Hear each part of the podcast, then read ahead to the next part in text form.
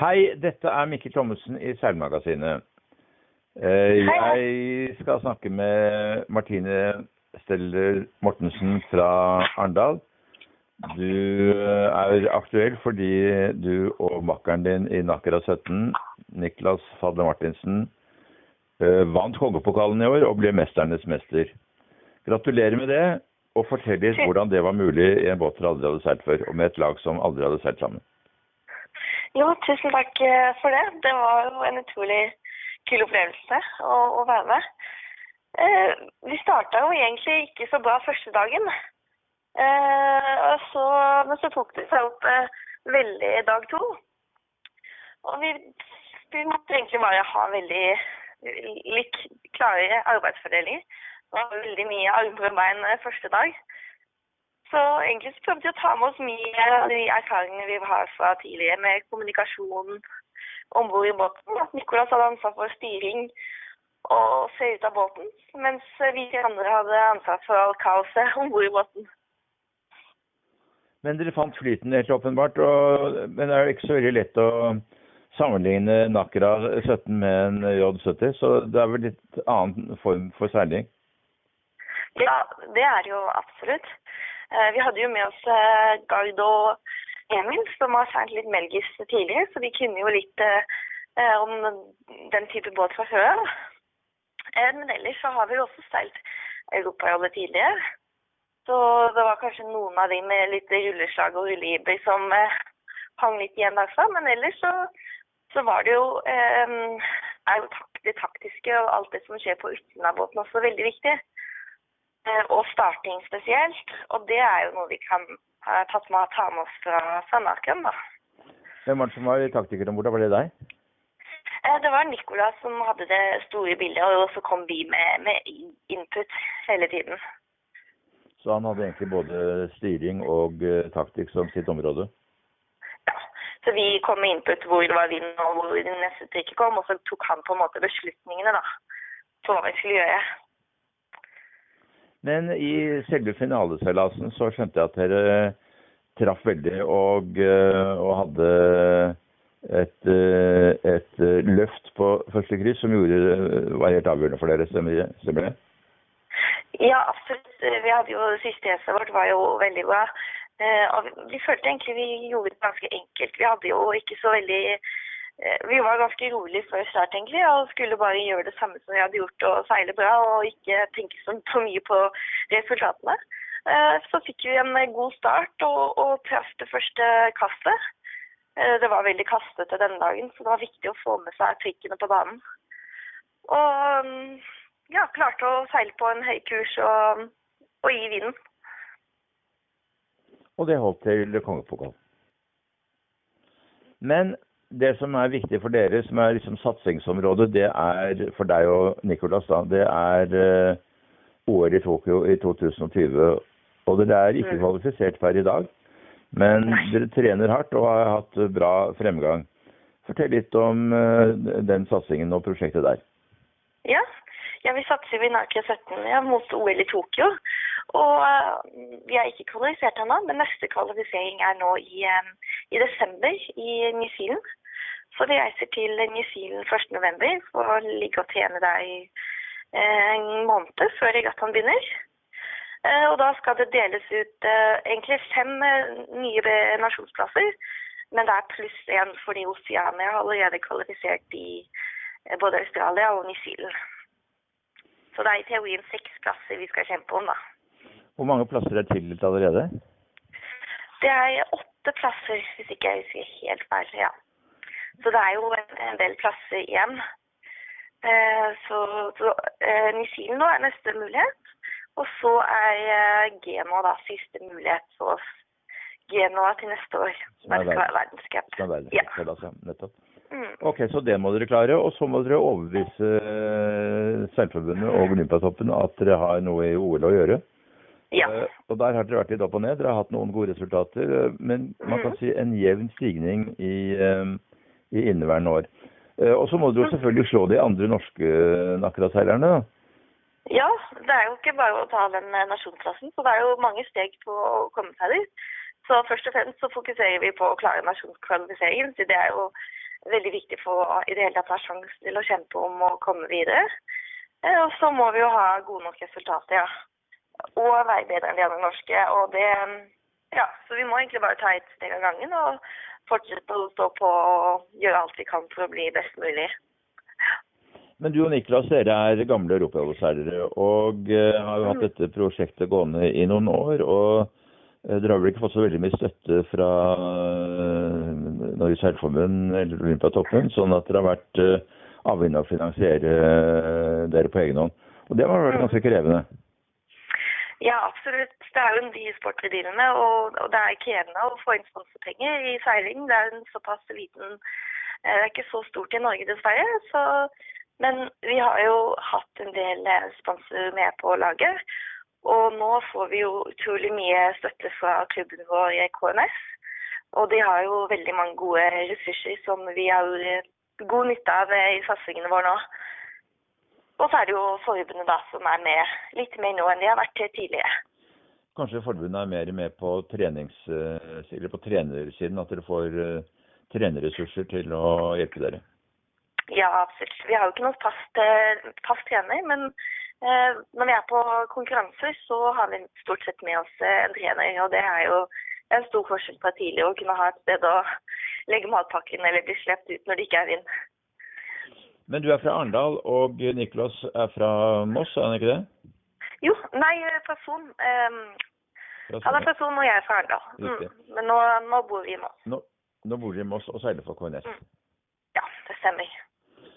Eh, det, det hadde et skritt også i, innenfor Nakra. fordi at eh, Da Nakra startet som uh, OL-klasse, så var det jo en vanlig 17-fots katamaran. Nå har dere tatt overgangen til å seile på foiler. Eh, hvordan, hvordan uh, virker det? Hvor mye mer komplisert er det å seile en båt på fordel? Eh, det er jo på en måte en, en helt ny båt når vi gikk fra å se foiling til foilene. Så vi måtte egentlig lære oss veldig mye på nytt. Og selvfølgelig var det jo de grunnprinsippene prinsippene vi kunne ta med oss da, fra katamaranseiling. Men det å skulle fly båten over vann og balansere den var jo veld, veldig nytt. Så vi har jo brukt eh, ekstremt mye tid på å teste ut og utforske og lære oss eh, en båt på nytt. Og vi føler fremdeles ikke at vi har fått testet ut alt. Vi holder fremdeles på å te teste forskjellige ting, og det bærer jo egentlig klassen også preg av at det fremdeles testes og ja, pushes eh, grenser. Så men det er et nytt element som man ikke har tatt hensyn til tidligere, og det er at disse foilene skal trimmes. Sånn at båten ja. uh, har løft eller ikke. Og det er jo ny, et nytt element i seiling. Ja, det er jo det. Er jo, uh, det har blitt tatt litt mer inn i, i, disse store båtene. Men det er jo kult at også det er kommet litt mer i de, mindre båtene, og også med en OL-klasse. Uh, det er jo kanskje fremtiden med foiling.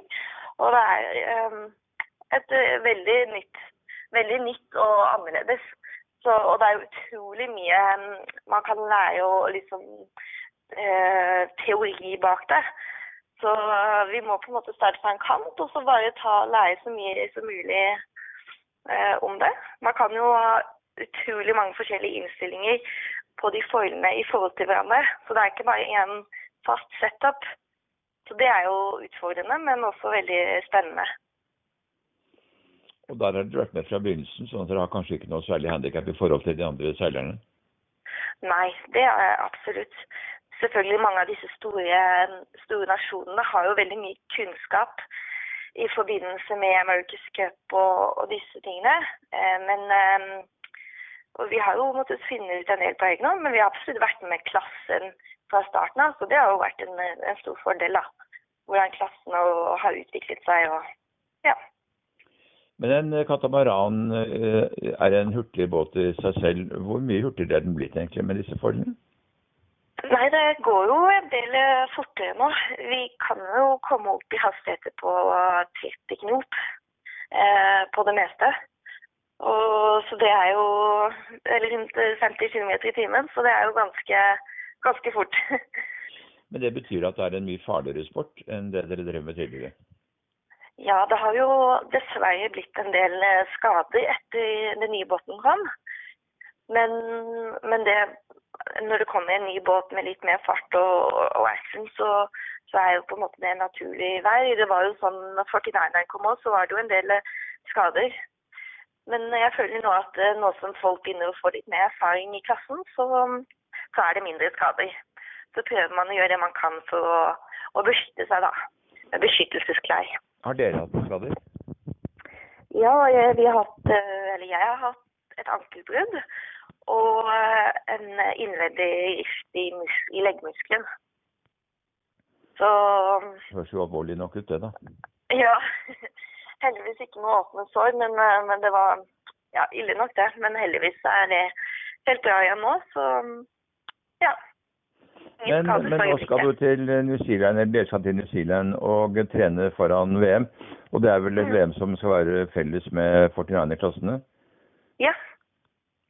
Det, det er det. Så det er jo Nakia 49 og 49 F6 da, som skal ha VM i Auckland. Og blir det da eh, på den sørlige halvkule for å trene utover vinteren, eller hva er planene videre? Eh, Planen er jo å reise ned til eh, Auckland nå 1. november, og så blir vi der til eh, regattaen er ferdig 11. november, tror jeg vi kommer hjem. Nei, 11. desember. Og så er det hjem til jul, og så er neste VM allerede i februar i Australia. Så vi reiser nok eh, til Australia allerede i januar igjen. Så vi går fra først New Zealand og så Australia. Så det betyr at det er dyre reiseutgifter og dyrt å transportere båt eh, både herfra til eh, New Zealand og New Zealand til eh, Australia. Jeg går ut fra at Ja. det er opplegg som klassen arrangerer, slik at eh, båtene kan transporteres felles, og at dere reduserer kostnadene på den måten. Ja, eh, jeg tror klasseklubben har, eller Nakia har kommet med en felles muligheten for å transportere sammen. Men vi i forbundet har jo fått en god avtale med, med transport eh, og container. Så vi på landslaget har en felles da, container. Hva gjør dere når dere ikke seiler? Prøver dere å tjene penger, eller studerer dere, eller hva gjør dere? Eh, For øyeblikket så studerer vi ikke, det er fulltidssatsing eh, i båten. Men vi, vi, gjør, vi prøver å få- inn penger, det er jo det mye av tiden går til. Og fysisk trening selvfølgelig. Og litt jobbing innimellom når vi har tid. Hvor gamle er dere? Jeg er 24 og blir 25, og Nicolas er 25. Og dere er samboere også utenom seilingen, så dere er sammen hele tiden. Ja, det er vi. Men, eh, men eh, hva, hva er planene etter eh, Tokyo? La oss, la oss ta som utgangspunkt at dere kommer til Tokyo. Hva, hva, hva skjer etter det? Eh, Vi tenker at nå må vi først og fremst fokusere på, på Tokyo, og, og først og fremst kvalifisere oss og, og gjennomføre OL på best mulig måte. Og så må vi ta en ny vurdering etter det og se om vi vil fortsette, om vi har eh, økonomi til å kunne fortsette. Og det er jo mange ting som spiller inn. Eh, Men først og fremst så er det mm, fokus på Tokyo, og det er vi kjempemotivert for. Og dere har vært og seilt eh, ved Noshima på Sagami Bay. Hvordan syns dere det var? Det var eh, utfordrende og veldig lærerikt. Vi ble litt kasta inn i det med eh, etterhengende bølger fra, fra tyfonen som passerte og traff Kina spesielt. Vi kom heldigvis unna det verste, men vi fikk veldig mye røff sjø. Så det var veldig utfordrende. Vi følte vi virkelig ble kasta i det i prøve-OL.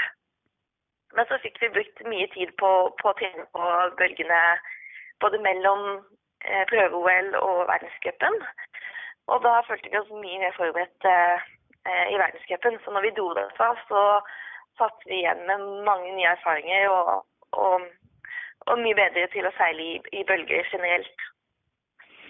Dere konkurrerer altså nå med Tiril Bue og Mathias Mollat. eh, Mm. eh, Men samarbeider dere også? Ja, vi prøver jo å få trent sammen eh, når vi er sammen og alle er hjemme. Så, um, men ellers så, ja, så det er det vi prøver på, Så seil sammen når vi kan. Men begge lagene skal nå ut til New Zealand, så dere får mulighet til å trene sammen før eh, VM. Ja. Har dere noe treningssamarbeid med andre nasjoners lag? Ja, vi, um, vi har samarbeida både med Tyskland og, og eh, Sverige, annet. Vi var nå i to uker i Sverige um, og trente med to svenske båter. Så um, I Malmö i Sverige. Så det var utrolig bra. Vi har litt sånn samarbeid uh, med de i hvert fall. Hva er det dere trenger å forbedre dere på for å sikre en OL-plass? Jeg tror um, det som har vært uh, tøft, har vært å holde følge med de, de beste i klassen, spesielt på lens. De er veldig gode til å holde stabil fart uh, gjennom hele lensen. Så det har vi jo brukt en del tid på å, å trene på. Så ellers er det, jo, er det jo mye på det mentale, da. Å holde fokus og, og Vi vet jo at vi kan seile fort og være helt oppe i toppen. Så um, bare sette alt sammen og ja, bruke det man kan. Men når det da gjelder uh, unnavindseilas, som er mer krevende, hva, hva, er forskjellen på det? Dere skal holde på foilene hele tiden, dere skal kunne jibbe foiler. Er det teknikken, eller er det hvordan, uh, hvordan gjør man det? det er jo veldig mange ting som eh, spiller inn. Og det er jo alt fra, fra å holde en stabil båt og, og, bølgene. Det har jo også stor påvirkning på å kunne spoile stabilt. Så det å finne den beste veien gjennom bølgene og hele tiden ha overblikk over det som skjer rundt oss eh, på vannet. Så um, med det å ha en flat båt og kunne bare seile fort og gå lavt, det er jo det som er liksom det viktigste for å, å seile fort. da. Dere er heltidsseilere. Blir dere gørra det noen gang, eller er dere entusiastisk og offensive hele tiden? Eh, er, vi føler absolutt at det er der man blir så oppslukt i det og hele tiden fokuserer på å bli bedre. Og det er jo veldig motiverende i seg selv. Når man får liksom et lite høydepunkt og noe som blir litt bedre, så blir man motivert til å fortsette å jobbe på. Så det skal ikke stå på motivasjonen og entusiasmen for det, i hvert fall. Men da har dere en eh, krevende vinter foran dere, og eh, hvis dere ikke klarer å kvalifisere dere i eh, New Zealand, så får vi håpe at dere klarer å få nasjonen med, i hvert fall i Genoa i verdenscupen. Og så blir det en spennende sesong.